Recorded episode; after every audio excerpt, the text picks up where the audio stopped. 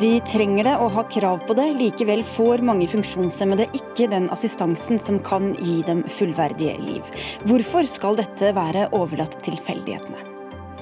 Et nytt klesmerke lanserer klær for kristne og andre som vil vise mindre hud. Det skal unngå å vekke menns begjær. Et fullstendig håpløst verdenssyn, sukker prest og kommentator. Politikernes retorikk bidrar til mer netthets, mener Amnesty. Vi diskuterer bare reelle problemer, svarer Sylvi Listhaug. Og TV 2 brukte den omstridte abortmotstanderen Ludvig Nessa da de skulle diskutere abort. Vanskelige debatter bør ikke polariseres unødig, mener organisasjonen Menneskeverd.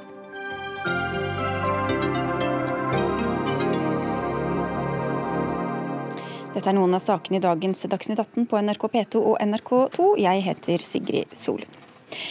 I mange år har mange funksjonshemmede etterlyst mer innflytelse over eget liv. Et krav har stått helt sentralt, nemlig det som gjelder personlig brukerstyrt assistanse, altså hjelp på brukerens egne premisser. I 2015 ble dette BPA, som det heter, en lovfestet rettighet. Men fire år etter er det store forskjeller på hvordan ordningen fungerer. 3500 personer får personlig brukerstyrt assistanse, men det er anslått at 14 500 har bruk for det. Det kunne vi også se i dokumentaren 'Fallet' på NRK Brennpunkt i går, hvor Bergljot Gjelsvik var blant dem som er fortvilet over at hun ikke får den hjelpen hun trenger. Noe av det som har vært sjokkerende for meg, har vel vært at jeg har vært litt naiv. at jeg har tenkt sånn, ja, Hvis du får en sånn skade, så står folk der parat til å hjelpe deg. Og det er ikke tilfellet. Jørn Tore Gulbrandsen, du er leder i Helsepartiet i Viken, men du har også sykdommen MS. Først bare litt mer om denne ordningen. Hva er det du f.eks. trenger hjelp til i løpet av en dag, som disse assistentene kan gi deg? Jeg trenger hjelp til å, til å stå på senga hver dag. Jeg trenger hjelp til å få på meg tøy. Jeg trenger hjelp til å vaske meg. Eh, jeg sliter med finmotorikken i hendene mine og, og mister masse ting. Eh, jeg trenger hjelp til å lage mat. Trenger hjelp til å gå, gå på do. Trenger hjelp til å få bukse etter å ha vært på do. Altså alle sånne dagligdagse ting som alle andre som er oppe og går, eh, tar som en selvfølge. Mens vi som da har den eh, diagnosen og helseproblemet som jeg har, vi trenger assistenter som hjelper oss. I denne dokumentaren så handlet det mye om å få nok timer hver dag eller hver uke til å kunne leve liv på linje med andre. Hvor mange timer vil du anslå at du f.eks. trenger eh, i løpet av en dag? Eh, min definisjon er sånn at jeg trenger 84 timer med BPA-tjenester hver, hver, uke. Det vil tilsi ca. litt over ni timer hver dag. I dag så har jeg et vedtak eh, fra, fra Modum kommune på, på 54, 64 timer per uke. Eh, og det er jo ikke da nok for, for, mitt behov. Hva er det du ikke får gjort da? Nei, Jeg får bl.a. ikke være eh, politisk aktiv, sånn som jeg, jeg, vil være. Jeg er jo med i leder i Helsepartiet i Modum. Jeg, akkurat nå så driver jeg en, en valgkamp, men eh, valgkampen min blir jo avkorta fordi at eh, Eh, jeg har jo hatt en diskusjon nå med min BPA-leverandør Humana, som da har vært veldig på meg og sagt at eh, nå må du definere livet ditt resten av året. Eh, fordi at jeg har forbrukt for mye timer fra nyttår fram til nå. Ja. Så fra nå og ut året så må jeg leve på sju timer om dagen. Det er min dag. Så det er ikke mye rom for spontanitet og Det er det ikke. Men jeg, heldigvis, her i sommer så gikk strømmen klokka åtte om kvelden. Jeg har en, en, eh, seng som går på strøm. og Den sto oppe, så jeg fikk ikke lagt meg før klokka, før klokka var tolv på natta. En varm sommerkveld. Og heldigvis så gikk strømmen. Så da fikk jeg oppleve en, varm sommerkveld. Ellers så må jeg gå og legge meg klokka ti om kvelden. Uff. Vi skal eh, gå videre til deg, Sylvi Listhaug. Du er folkehelseminister, og du har ikke ønsket å diskutere med Gulbrandsen om hans eh, sak. Men generelt, hvorfor er det sånn at folk ikke får den hjelpen de har krav på? Først er Det sånn at det er ganske store forskjeller mellom kommunene. Vi hører om kommuner der det er et godt tilbud. Vi hører om kommuner der det er varierende tilbud, og kommuner der det er dårlig tilbud. Jeg har jo engasjert meg egentlig sterkt i sånne saker lenge. Bl.a. Kristi, som bodde i Bamble og flytta til Vardø, som er et godt eksempel egentlig på hva problem som er her. Hun hadde et godt tilbud i Bamble. Så fant hun kjærligheten i Vardø og flytta opp dit med lovnader fra kommunen om at det skulle ordne seg. Når hun kom dit, så fikk hun nesten ingen hjelp. Og det viser egentlig hvor urettferdig dette er, at det er bostedsadresser som bestemmer. Og Derfor er det jo et av punktene regjeringa har satt inn i Eh, i Granavolden-erklæringa, det er dette med at når du flytter, så skal du faktisk få det samme tilbudet dit du, du kommer. For vi hører jo om personer som rett og slett må flytte fra kommuner. Eh, det, hjelper, det, hjelper, jo dem som har et godt tilbud fra før av, men det hjelper jo ikke andre som, som, ikke har det. Så når Stortinget har vedtatt at dette er en rettighet, så skal regjeringen følge opp. Og så ser vi at som du selv sier også, det er så store forskjeller. Hvordan kan vi leve med det? Nei, derfor setter vi nå ned et utvalg som skal gå gjennom litt og se på hva er situasjonen i Norge på dette området. Hvor er det det skjærer seg? Hva er det som må gjøres? Hva må vi gjøre med lovverket? Og Et av punktene er dette med at vi ønsker at det skal være et likestillingsverktøy. Altså Vi ønsker at det, de som har en funksjonshemming skal få lov til å leve normale liv. Fordi at For oss alle så handler det om å ikke bare overleve, men å leve hele livet. Og ha, uh, ikke sitte bare hjemme, ikke få delta på det man, man, ønsker, men at man skal få være delaktig i samfunnet. Og da, da er det et viktig arbeid som vi nå skal i gang med. Uh, og da vil det følges opp med et lovarbeid. Ok, Til deg, Tove Linnea Brandvik, du er leder i Norges Handikapforbund, men du har kjempet også for denne rettighetsfestingen i mange år, bl.a. da du satt på Stortinget for Arbeiderpartiet. Hvordan vil du si at den er blitt fulgt opp i ettertid? Jeg har jo kjempa siden 90-tallet eh, for denne ordninga. Eh, og har vært med og jubla mange ganger, og vært med og protestert mange ganger. Utviklinga dessverre har vært negativ. Eh, man hadde jo en ganske optimistisk tilnærming når eh, rettighetsfestinga kom. Det ble opplevd av oss fra organisasjonene sin side som en seier. Um, men dessverre så viser det seg at realiteten har vært at eh, lovverket kanskje ikke hindrer norske kommuner i å levere gode tjenester til folk, likestilte tjenester til folk. Men det tvinger ikke norske kommuner til å gjøre det. Så jeg at Lovverket i seg sjøl er altfor svakt nå. Eh, og det har vi behov for å løse raskt. Men hvorfor kan ikke kommunene bare altså, Hvorfor skal kommunene være avhengig av et lovverk for å gi folk det de har krav på? Jeg tror jeg drister meg til å si at det handler om, om en blanding av hvilket lovverk det ligger i, eh, og en blanding av holdningene i samfunnet. Eh, hvilke holdninger har folk til oss som er funksjonshemma i forhold til hva vi skal delta på? Ehm, skal man delta f.eks. i politisk aktivitet, som du gjør? Hvor mange timer i uka skal man få lov til å drive med det? Eh, og hvor mange timer skal du kunne sløve på sofaen eller henge med kompiser? Altså, man ender opp med å definere det som eh, overlevelsesverktøy, helseverktøy, istedenfor å se at folk skal delta i samfunnet. Ja, For det blir blanda sammen med hjemmehjelp f.eks. Ja, eller bare, ja, og, og, sett på som, som, som, du sier, et helsetilbud og ikke et tilbud til å leve ordentlig gode liv? Det gjør det. Og i tillegg til det, så er det dette er det eneste verktøyet som er et likestillingsverktøy av de verktøyene vi har. De andre verktøyene er veldig sånn typisk sånn hjelpeverktøy. Du kan ikke bestemme sjøl hva de skal brukes til. Dette er den eneste plassen vi har selvbestemmelse på dette området. Hvor vi faktisk kan ta egne valg. Så uh, Sylvi Listhaug, du sier at du har vært engasjert i dette lenge. Hvordan har dere nå, nå skal dere ha en utredning, men så ser vi at det har ikke fungert som etter intensjonen. Hvorfor har dere ikke sørget for at kommunene både prioriterer uh, dette og forstår intensjonen og handler etter den? Ja, Man har jo eh, sendt ut brev og det er rundskriv og det er mange ting man har fulgt opp med penger. 500 millioner kroner, lovfesting. Uh, og så ser vi det at det er forskjeller, og derfor skal vi følge opp det. Men en konkret ting som har kommet ut av, av møtet med folk, er jo når jeg var besøkte Else Marie i Sande. Hun ble 67 år og fikk plutselig et brev i postkassa om at eh, nå er du blitt 67 år, så nå har ikke du rett på eh, brukerstyrt personlig assistent lenger. Ikke hadde hun blitt noe friskere, eh, ikke kunne hun greie seg noe mer sjøl, selv, selv om hun ble 67 år. Og plutselig så skulle hun miste tilbudet. Det leder rett og slett fram til at vi nå har sendt allerede på høring et forslag om å oppheve den aldersgrensa. Sånn at selv om du blir over 67 år, så skal du få fortsette med denne ordninga her. Så eh, i møte med folk så er det viktig at vi gjør de endringene som vi ser er nødvendige. Men dette er nok mer grunnleggende endringer som må til i lovverket nå framover for at dette skal bli et likestillingsverktøy. Og det er derfor vi har behov for å sette ned et utvalg. Og i det utvalget så kommer brukerne til å bli sterkt representert. fordi at her er det veldig viktig å høre på de som vet hvor skoen trykker, og som kjenner dette systemet fra innsida. Det er veldig viktig at vi får gjort en grundig jobb når, når NOU-en eh, settes ned. at vi skal begynne å jobbe med den. Altså den offentlige utredningen? Ja, den offentlige utredningen. Eh, når det arbeidet kommer i gang. Og vi er forventer og selvfølgelig at vi skal være en del av den utredninga. Men det som er viktig, er at det er en utredning som kommer til å ta tid. Folk lever livene sine akkurat nå. Og vi vil innstendig oppfordre regjeringa til å gjøre noen grep i påvente av den jobben som skal gjøres.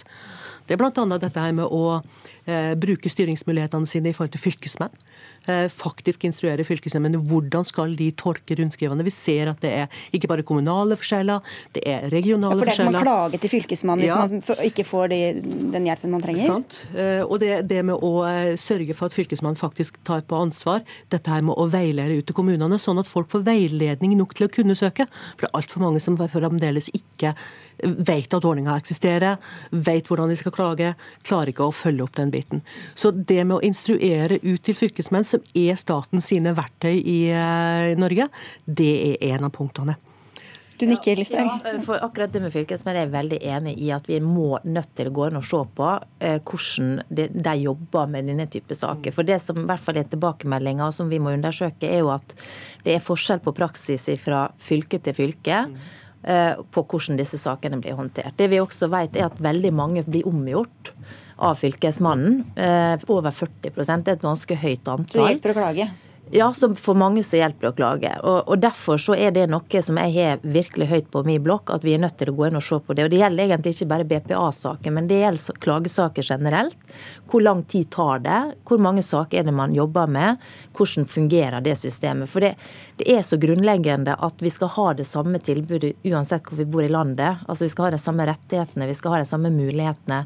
Vi skal ha et system som er rettferdig, og da må disse sakene behandles mest mulig likt. Så det er veldig enig. Og I dokumentaren så, så vi hvor frustrerende det var å holde på med alt dette papirarbeidet som nærmest var en heltidsjobb, bare å prøve å få den hjelpen man, man trenger. Gulbrandsen, hvordan oppleves det hos, hos, dem som har behov for det? Jeg har jo hatt et par, et par sånne runder med, mot kommunen og fylkesmannen og alt sånn. og, og fra mitt, uh, I forhold til min MS så kan det ende seg over natta. Mens uh, saksbehandlingstida hos uh, kommunen og fylkesmannen det tar halvannet år før saken er endelig avgjort. Eh, og Da har min situasjon endra seg flere ganger i løpet av den tida. Og Det er ganske frustrerende å sitte da i leiligheten din sånn om du sitter i fengsel, uten at du kan komme ut. Eh, jeg kjenner flere som er i samme situasjon. Mm. Her er det bare å brette opp Sylvi Listhaug? skjønner vi? Absolutt, det er det. Og det er klart ikke at det er mange brukere der det skjer veldig raske endringer. Jeg har vært masse engasjert i ALS-sak også, som er en forferdelig sykdom der det kan gå veldig raskt nedover. Og det er klart det systemet vi har i dag er ikke tilpassa nok eh, til at folk får den hjelpa så raskt som de trenger. Så det er mye å gripe fatt i. Absolutt. Det viktigste er at vi faktisk i den perioden fram til NOU-en blir ferdig, tar og gjør tiltak og sørger for at dette her faktisk utføres i tråd med lovverket som vi har i dag, og så skulle være med på å lage et enda bedre lovverk. Og de som ønsker å møte hovedpersonen fra Brennpunkt-dokumentaren, Bergljot Gjelsvik, kan eh, skru på valgstudio på NRK1 i kveld, og alle kan gå inn på nettet og se denne dokumentaren. Takk skal dere ha, Tove Linnea Brandvik fra Norges Handikapforbund, og eh, Jørn Tore Gulbrandsen, som er leder i Helsepartiet i Viken, og til Sylvi Listhaug, som vi møter igjen eh, om litt. Dagsnytt 18 alle hverdager kl 18.00 på NRK P2 og NRK2.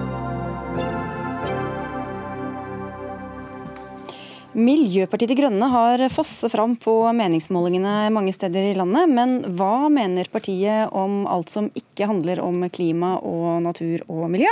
Det lurer Høyre på, hvor du er nestleder Bent Høie. Hvorfor kunne du ikke bare lese programmet deres, så ble du litt klokere på det?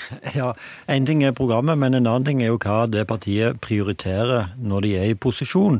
Og det har eh, faktisk velgerne behov for å vite før de skal gå der. Jeg er jo helt enig i at det å løse klimautfordringene er viktig, men det å ha en god eldreomsorg, det å sikre at eldre får valgmulighet i hverdagen, det å ha en skole der kunnskap er viktigst, det å sikre kvalitet i barnehagen, det er jo òg spørsmål som er utrolig viktige i folks liv.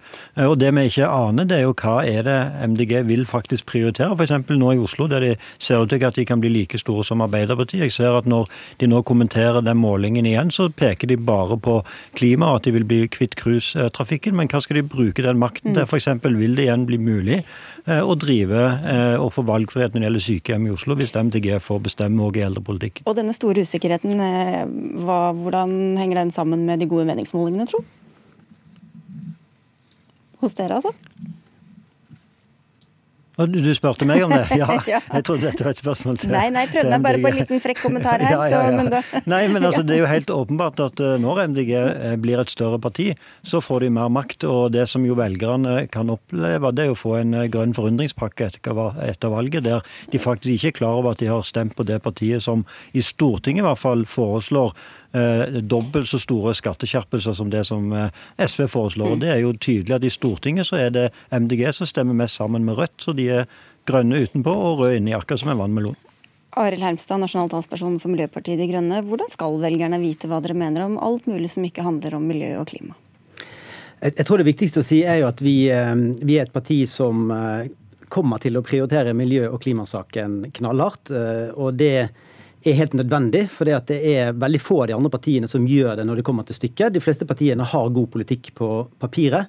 Men det som er vårt løfte til velgerne, er at vi også kommer til å levere på de tingene. Og, og det eh, tror jeg også Bent Høie vet, så han er jo egentlig ikke så usikker på hva vi kommer til å prioritere. Eh, og så er det jo sånn at vi går til valg på Vi har ca. 200 lister over hele landet. Eh, vi har lokale programmer hvor man får svar på de tingene lokalt som man lurer på om hva vi kommer til å Altså hva som vi kommer til å både prioritere og hva vi mener om forskjellige ting.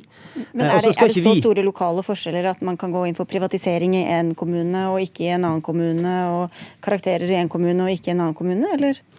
Altså, eh, Når det gjelder videregående opplæring, så er jo det en eh, fylkeskommunal sak. Eh, og Der har ikke vi behov for å mene noe på nasjonalt nivå for å overstyre det videregående skoler. Nei, nei, det, I motsetning til f.eks. Høyre, da, som har det. Men det er viktig å si at vi har ikke bare de ideologiske brillene som handler om forskjellen på rød og blå styring. Vi mener at den viktigste saken i vårt århundre det handler om forskjellen på grå og grønne partier. Og Det betyr også at vi har et praktisk forhold til hvilke løsninger som er best. Hvilke løsninger fungerer best for brukerne?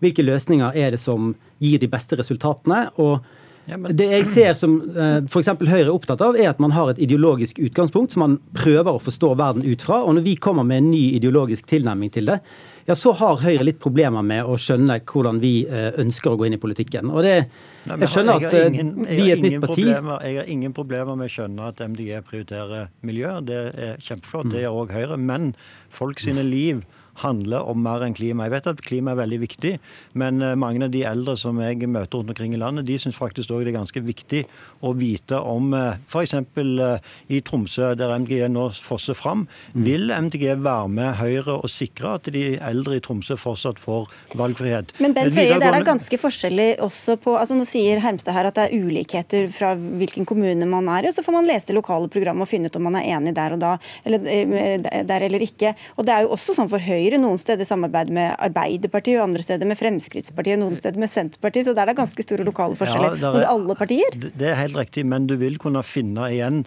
hva er faktisk òg viktige saker på andre områder enn bare miljø. Og Det er jo det som er utfordringen med den type ensakspartier som MDG. De er villige til å ofre alt annet, bare de får gjennomslag for sin miljøpolitikk. Og Derfor så spør jeg igjen, f.eks. i Oslo, da, der eh, dette med valgfrihet for skole er veldig viktig for ungdom. og Det er et viktig spørsmål for mange mm. unge å få lov til å velge eh, hvilken videregående skole de skal på. Vil MDG i Oslo slåss for det nå når de får okay, eh, sannsynligvis så stor makt som det ser ut til? Eh, det er jo ikke vanskelig å finne ut hva vi mener om den saken, i hvert fall, Bent Høie. Det kan du lese i programmet vårt. Eh, og vi ønsker da fortsatt å ha fritt skolevalg.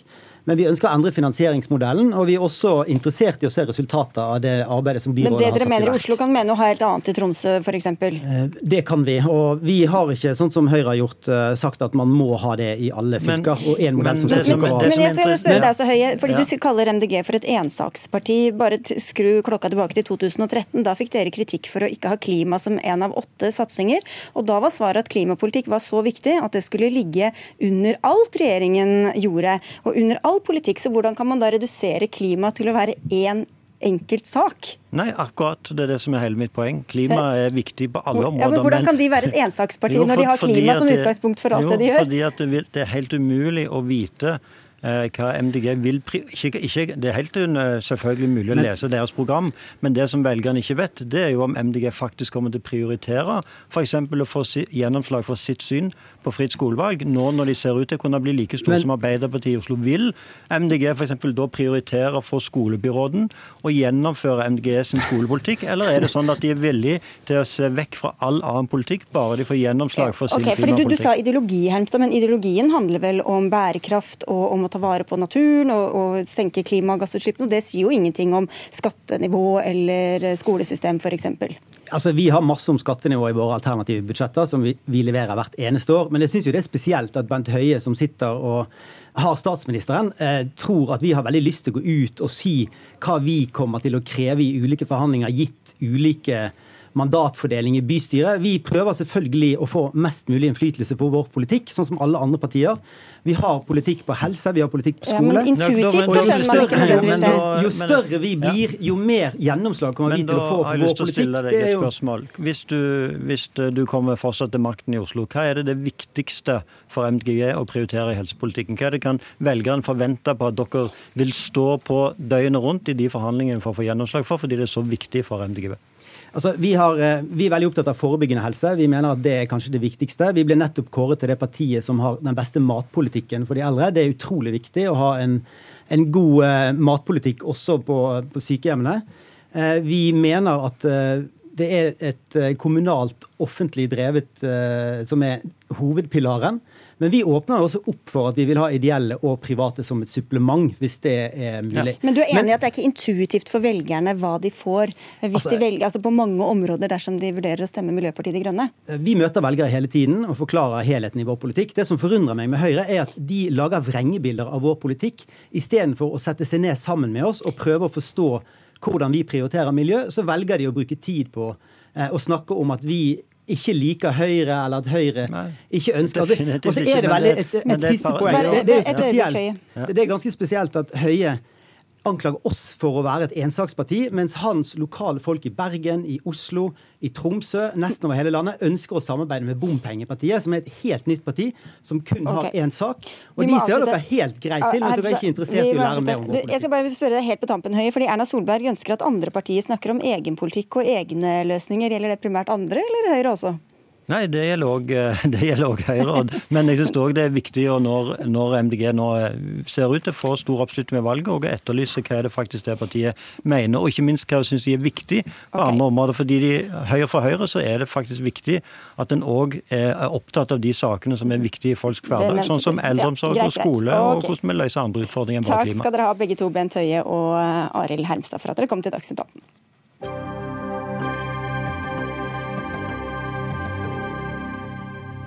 Savner du mer eh, tekkelige klær av religiøse årsaker? Ingen grunn til å fortvile. Snart skal vi diskutere et nytt klesmerke rettet mot kristne kvinner. Men nå har politikernes retorikk noe å gjøre med hvordan vi behandler hverandre på nettet. Ja, mener Amnesty etter at de gjorde en undersøkelse som viste at et flertall mener debattklimaet er blitt tøffere siden sist lokalvalg. Det skriver Dagsavisen i dag. Jon Peder Egenes, du er generalsekretær i Amnesty, og undersøkelsen deres viser altså at folk mener debattklimaet er blitt tøffere mellom politikere og i kommentarfelt og på sosiale medier. Men hvordan kan dere trekke slutningen at det siste uh, skyldes det første?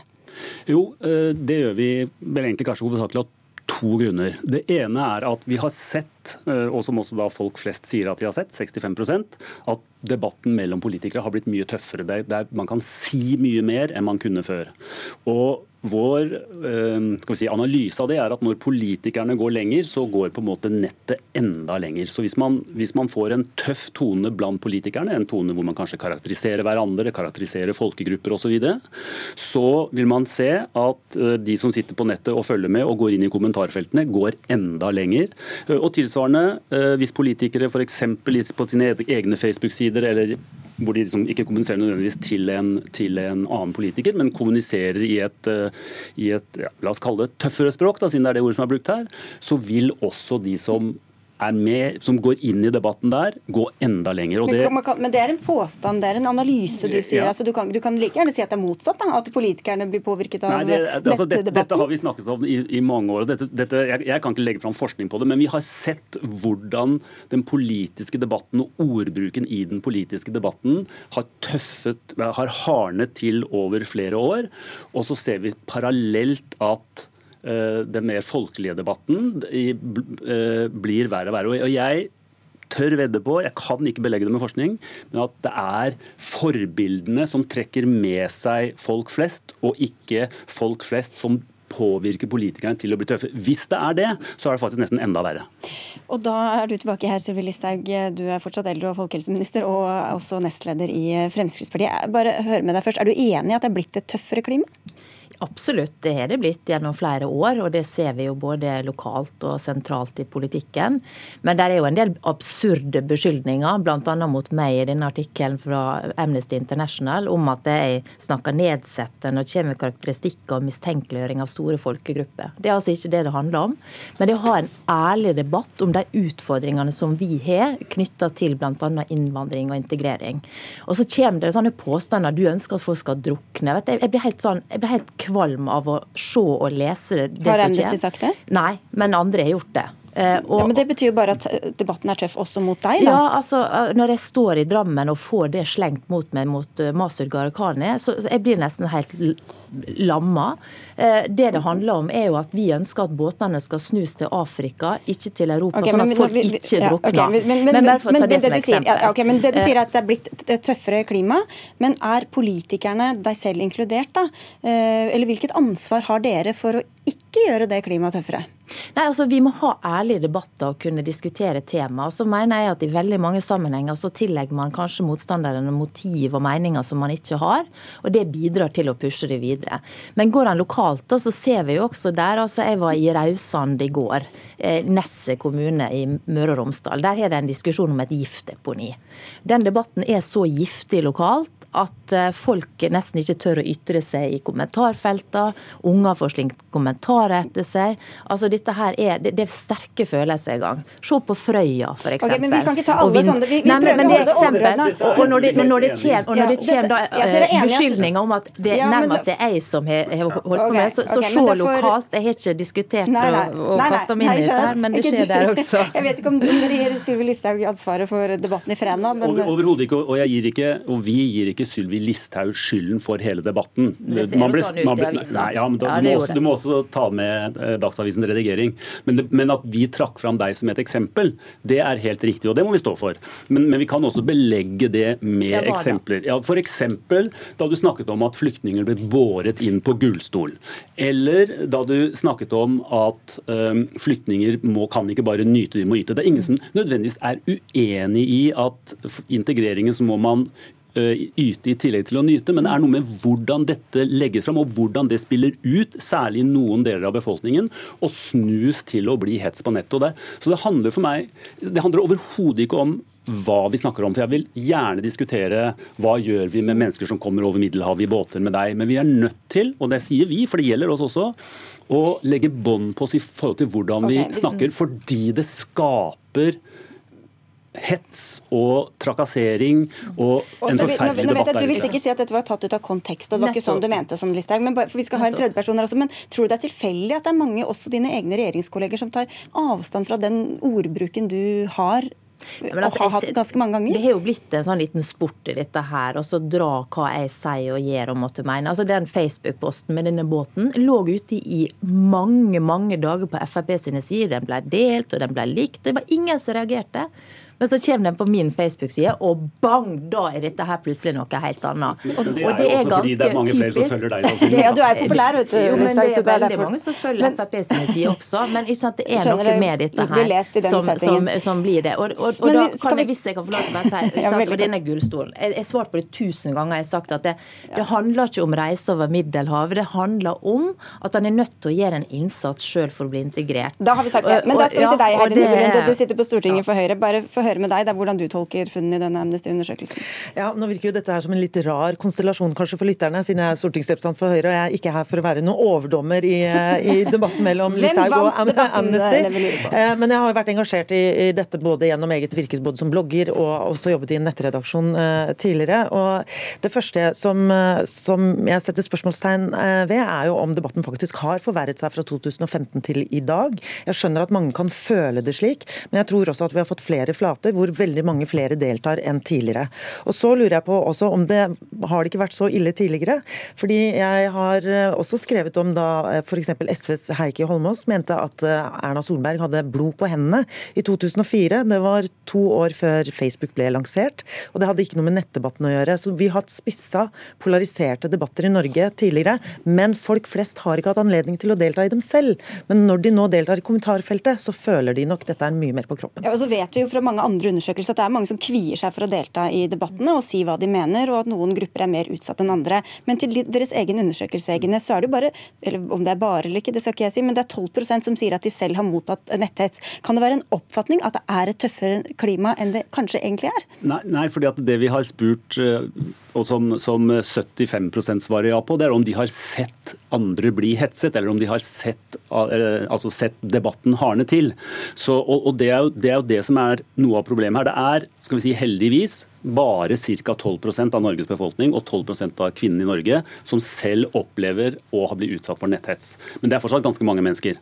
Men det som er problemet her, det er at andre stemmer stilner, for de vil ikke gå ut i den debatten hvor de, de blir hetset. Rett og slett. Og det sier de. De sier den, en, et uh, representativt utvalg av denne, uh, den, altså av hele befolkningen, og i enda større grad et representativt utvalg av norske kvinner. Men du, helt på, Tida flyr fra oss her, men dere har jo også et forslag om, om regulering på en annen måte. Hva er det for noe? Ja, Vi eh, mener at vi må se på en svensk lov som sier at dersom du har en Facebook-gruppe eller en blogg eller noe slikt, og det kommer ulovlige uttalelser i kommentarfeltet. Det er viktig å si at dette er, dette er ting som allerede er ulovlig. Trusler, hatytringer osv. Så, videre, så har du en plikt til å fjerne det.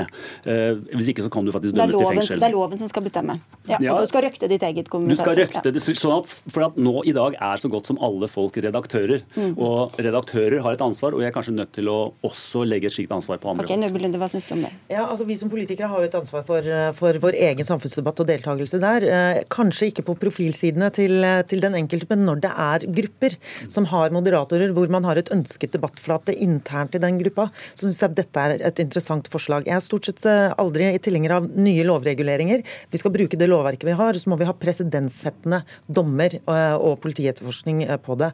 Så det er, det er, viktig. Men jeg tror nok at vi skal være litt mer bevisste også på hvordan vi bruker ordene våre i, i debatten. For det er klart at vi bidrar også til å eskalere debatter, vi politikere også imellom. Men det er vårt personlige ansvar, og det må det også være på de som deltar i debatten men jeg husker at NRK gjorde en interessant undersøkelse i 2017 der de så på er det mer polarisering i dag i innvandringsdebatten f.eks. Det de fant ut at det var jo mye verre før. Altså Da Carl I. Hagen fikk tomater og egg og alt mulig kastet etter seg. Det, det var jo skikkelig Det gikk på holdninger og ikke nødvendigvis hva som var ute og beskrevet og Nei, det var jo polarisering i debatten. Ja, men, det var holdningene som blant folk. Ja, altså, ikke debatten, men det var holdninger blant folk. hvor de viser seg at holdning, Folk er ikke mer polariserte, men, debatten tror men jeg vi kan slå fast der. Men det var jo også polarisering. altså Folk ble kasta egg på tomater. Man opplevde altså Jeg sto på stand på 90-tallet, for å si det sånn. Det var, mye verre enn men, det er nå. Til, til, dette, til dette lovforslaget, da, eh, eh, du, du ser, sier selv at det er vanskelig å delta, mm. mange som kvier seg. Er det en løsning å kunne å, å lovregulere, altså gjøre folk ansvarlige for, eh, for, det kommentarfeltet de selv legger opp til? Det, det viktigste er i hvert fall at man er ansvarlig sjøl for det man skriver. På min Facebook-side f.eks. Altså hvis jeg skulle hatt kontroll på de 6200 kommentarer under denne båten, det ville vært en helt umulig oppgave. Det jeg er avhengig av, er at folk melder fra til meg hvis de ser ting som er helt over streken, og så gjør vi så godt vi kan med å eh, moderere dette her. Men jeg mener det er viktig å ha en, en, debatt, og det jeg opplever når jeg er ute og snakker med folk, er mange som sier at jeg støtter det, Listhaug, men jeg, jeg, tør ikke å, å, å skrive noe. Jeg blir hunsa, jeg blir hetsa, Ja, jeg mister at venner. I, i, i Eh, jeg tør ikke. for eksempel, er det mange som er redde. Ja. Helt Ja, på og, tampen og, og, det, og det skjer jo, men, men jeg, jeg har på en måte da en, en innstendig oppfatning, og jeg har lyst til å bruke det eh, migrant, eh, båtmigranteksempelet. Fordi at Du kan godt si at dette er et helt uskyldig eksempel. Det er et bilde av en båt i solnedgang, og du sier at disse skal ikke komme til Norge. Men du vet vel hvordan det spiller ut i enkelte grupper. Så, så det som på en måte kan se tilforlatelig uskyldig ut, har en effekt som, som sekunder, dere er fordi- nødt ja, okay. til å ta hensyn folk til som politikere. her. Veldig, veldig kort, Det handler om å redde liv, men da å, å transportere dem tilbake til det afrikanske Ja, ok, det var ikke kontinentet, ikke til Europa. Greit. Og det er for at færre skal reise. Okay. Det er det som er vårt Takk skal dere ha, alle tre. Jon Peder Egnes fra Amnesty, Sylvi Listhaug fra Frp og Heidi Nordby Lunde fra Høyre.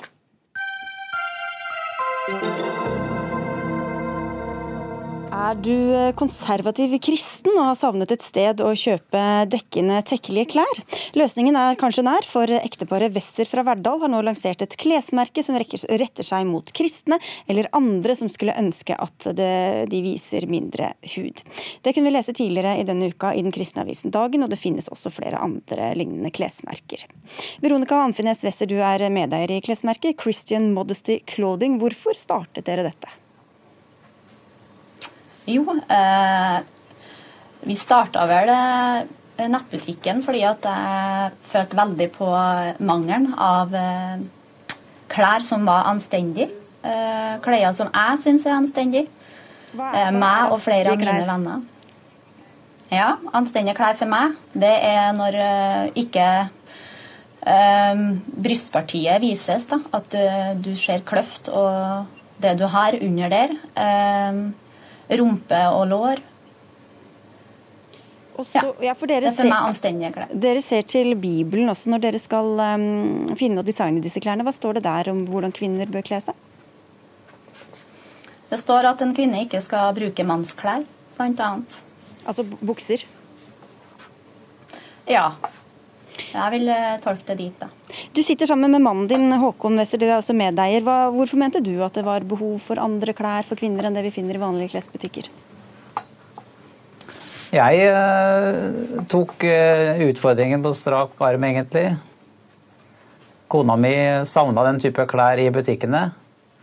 Så da tenker jeg at vi kunne heller eh, produsere de selv, istedenfor å lete etter eh, ting som ikke var lett å finne. Dette er jo bare, jeg nevnte, det er flere også av flere andre sånne type klær og klesmerker. Åste Dokka, du er ordinert prest i Den norske kirke og kommentator i Vårt Land, og har i tillegg doktorgrad i feministisk teologi.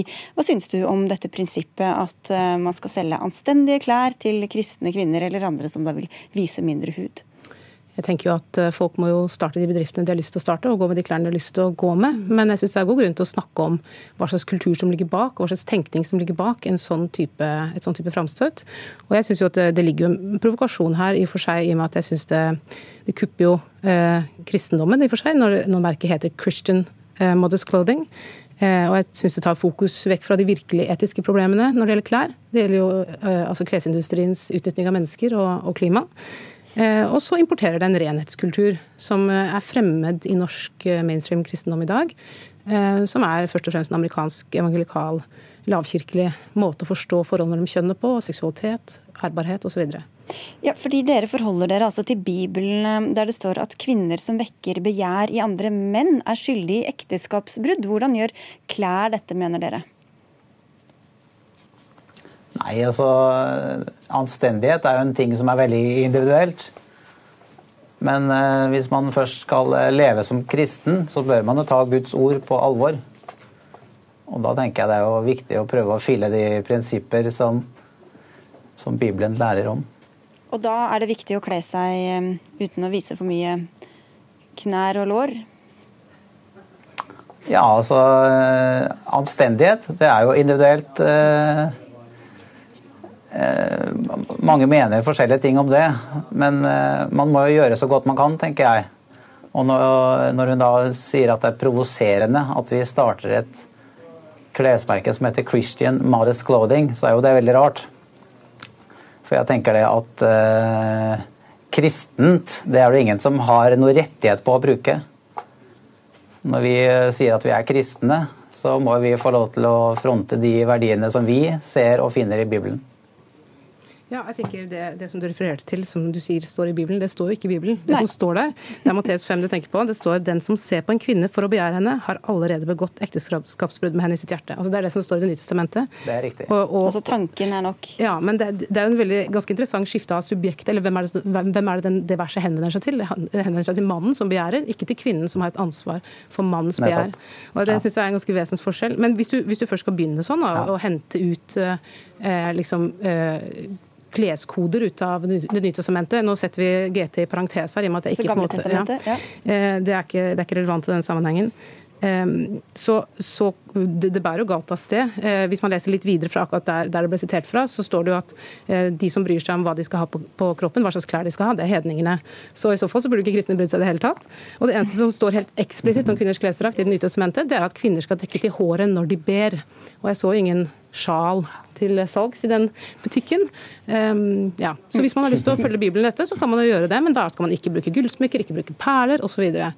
Men, Veronica Wester, til dette første her, hvorfor er det kvinnens ansvar å dekke seg til, sånn i tilfelle det skulle vekke begjær hos mannen? Jo, jeg, jeg har ikke sagt at det bare er kvinnene. I, mitt tilfelle å starte en nettbutikk, så var det jeg som savna klær som ikke var anstendige nok for meg og mine venner og dem jeg kjenner godt. Eh, jeg har aldri påstått at det er bare kvinnen sin oppgave. Jeg syns det er begge sin oppgave å hjelpe hverandre med å ikke vekke det begjæret. Men hva sier det Håkon Wesser om, om, mannen, eller synet på mannen? At, at, man liksom ikke kan få se litt hud uten at han skal bli vill og gal, eller begjæret skal vekkes? Nei, det sier noe om mannen. Det sier kanskje ikke om mannen, det sier noe om mennesket. Men så er det sånn at vi har fått nåde til å bli kjent med Gud, og da, det, da blir man forandret. Etter det har man ikke så store problemer med akkurat det. så det gjelder primært de, de ikke-troende? Nei, det skal jeg ikke si. Men uh, det er jo ikke det til å gjøre det noe verre heller, hvis en kvinne kler seg anstendig. Men så sier dere hele tida naken, naken hud. Det er jo ikke snakk om naken hud. Jeg nevnte jo det i begynnelsen, at det er jo, jeg refererte jo til kanskje den mest seksuelle parten, eller delene av en kvinne, kvinnekropp. Det handler ikke om at vi dekker til naken hud.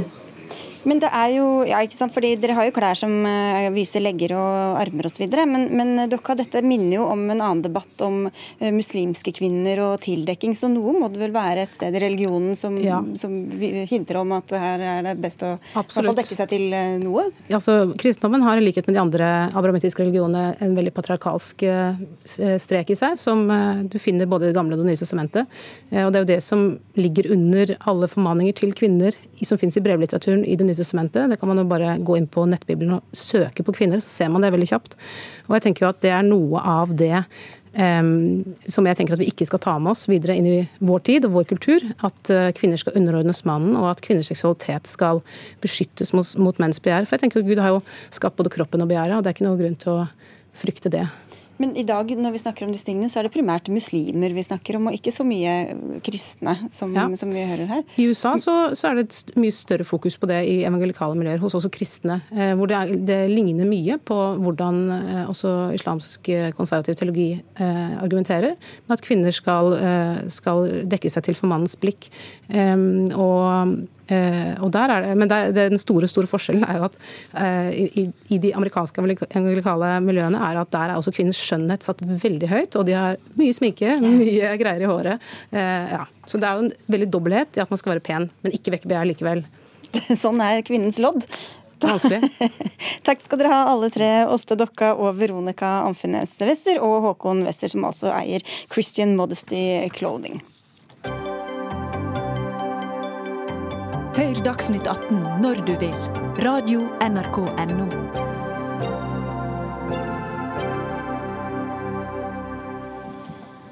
Da TV 2 ville diskutere abort i valgprogrammet Sofie Elise tester Norge, inviterte de inn den omstridte abortmotstanderen Ludvig Nessa. Det er mange som husker ham fra aksjoner på 1980- og 90-tallet, da han sammen med Børre Knutsen bl.a. smurte inn små babydukker i ketsjup og hadde symbolske fosterbegravelser i protest mot selvbestemt abort. Dette oppsettet reagerer du på i avisa Vårt Land i dag. Maria Elisabeth Selbekk, du er informasjonsansvarlig i organisasjonen Mennesker er verd. Hvorfor var ikke dette oppskriften på en god debatt? Nei, aller først så er det viktig å si at Ludvig Nessa han har stått i abortdebatten lenge, som du sier, og han har betydd mye for abortsaken.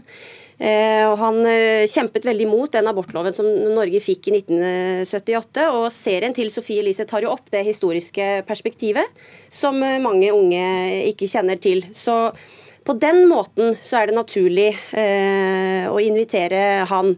Men samtidig så representerer Ludvig Nessa eh, langt ifra alle som engasjerer seg for det ufødte liv. Eh, og på den måten er det uheldig at Sofie Elise kun møter Ludvig Nessa eh, i dette programmet. Fordi at eh, Nessas metoder er omstridte. Måten han kommuniserer på er både lite nyansert, og den er ganske fjern for veldig mange.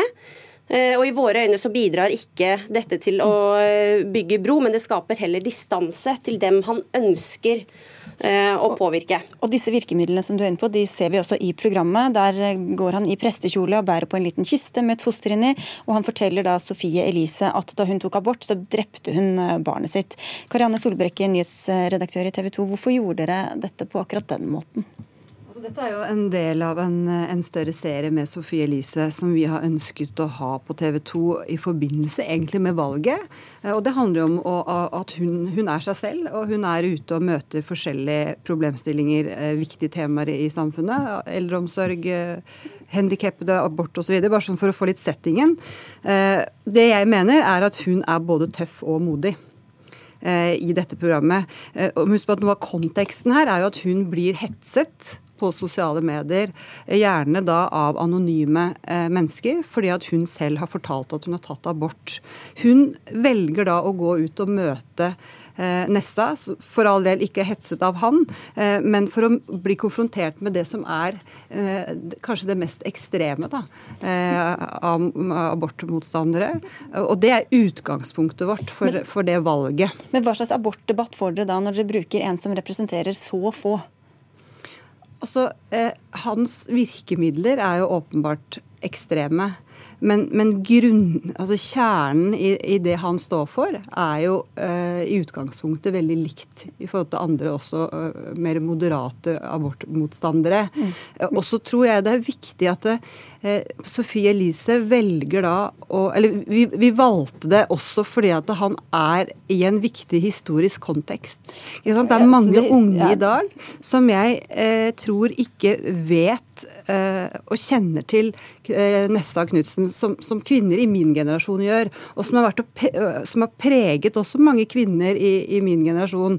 Og Det også ja. mener jeg er et, et, et viktig bilde da, rundt dette valget av Nessa. Og menn får jeg fra min mannlige vaktsjef her. Ja. ja, absolutt. Jeg syns også Sofie Elise er veldig tøff som stiller opp på, mot Ludvig Nessa. Men det er noe som skjer med dynamikken ikke sant? når en ung kvinne møter en godt voksen mann som er prest, som skaper et veldig skeivt bilde. Og så bruker han jo ord som drap, sammenligning med Breivik og nazistene, som er helt ut av proporsjoner. Men det som er forskjellen på Ludvig Nessa og vi andre som vil kalle oss livsvernforkjempere, det er bl.a. bruken av virkemidler, men også bruken av ord. For jeg mener eh, Ludvig Nessa stigmatiserer kvinner. Det er noe vi i Menneskeverd f.eks. ikke ønsker å gjøre, men vi ønsker å jobbe opp mot lovgivere. Men for i sak er dere enige da? Vi er enig i at fosteret trenger et økt eh, rettsvern i Norge, absolutt. Men vi har helt andre virkemidler. Vi underviser ungdommer i Norge.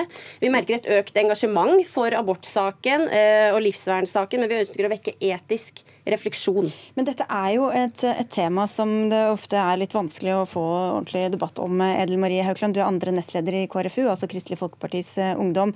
Og dere har jo et annet syn enn egentlig alle de andre partiene på Stortinget når det gjelder abort. Hvordan opplever dere å stå i denne abortdebatten?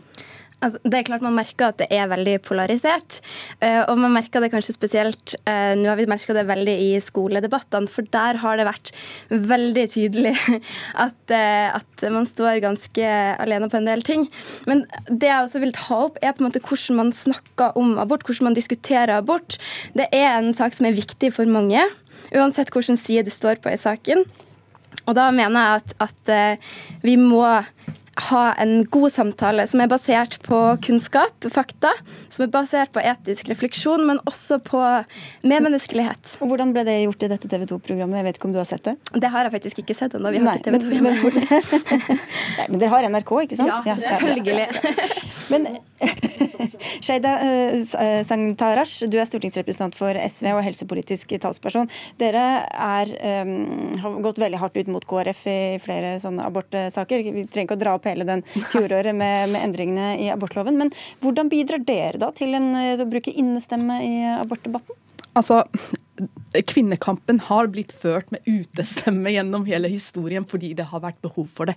Og det er fortsatt behov for det, fordi kvinner altså på globalt nivå blir undertrykt, deres rettigheter blir undertrykt. Og eksempler på det har vi også dessverre sett nå den siste tiden i Norge, når retten til selvbestemt abort har blitt eh, både eh, gjenstand for forhandlinger og blitt innskrenket. Og så er jeg enig i at man skal kunne diskutere på en skikkelig og redelig måte i debatten. Og det gjelder ikke kun abortdebatten, det gjelder alle debatter. Men da mener jeg at eh, hvis vi skal ta denne debatten, så må vi jo også være ærlige mot hverandre. sant? Og så må vi være liksom redelige og si hva eh, vi egentlig står for. Eh, vi f.eks. i SV vil utvide eh, retten til selvbestemt abort til 16 eh, uker, samtidig som vi vil fjerne abortnemndene. Og KrF har jo programfestet at de vil fjerne retten til selvbestemt abort. sant? Og da er det sånn at Eh, da er det kjempeviktig at vi har disse, her, eh, disse, perspektivene til grunn for å få en forståelse for hvorfor det blir så harde fronter. Ja, men da er det jo også sånn, Nå var dere misfornøyd med at Ludvig Nessa skulle på en måte være talspersonen, men noe av det kan jo også springe ut av, ikke nødvendigvis i dette tilfellet, men at det er, kan jo være litt vanskelig å få grep om hva er alternativet, når, når dere begge sier f.eks. vi er for eh, sant, vi skal verne livet, men hva betyr det i, i, av endringer i, for eksempel, altså, i særlig da abortloven? Ja. Og her har vi Menneskeverd, eh, som Norges eneste livsvernorganisasjon eh, som jobber med dette på fulltid, konsentrert oss om abortlovens yttergrenser. Vi erkjenner at tolvukersgrensen står fast, den er forankret blant politisk i Norge og blant eh, det norske folk, men tvillingabort og paragraf 2c, som sørger for, eller som muliggjør sortering på mennesker som er annerledes, har en sykdom eller et ekstra kromosom, det er deler av lovverket som vi ønsker å gjøre noe med. og nå, Denne gangen løftet vi tvillingabort, og her har vi fått gjennomslag. Ja, men, men KrF, der er det ofte vanskelig å, å, skjønne helt hva er det dere vil, utover å grunnlovfeste denne retten. Hva er konsekvensene av det?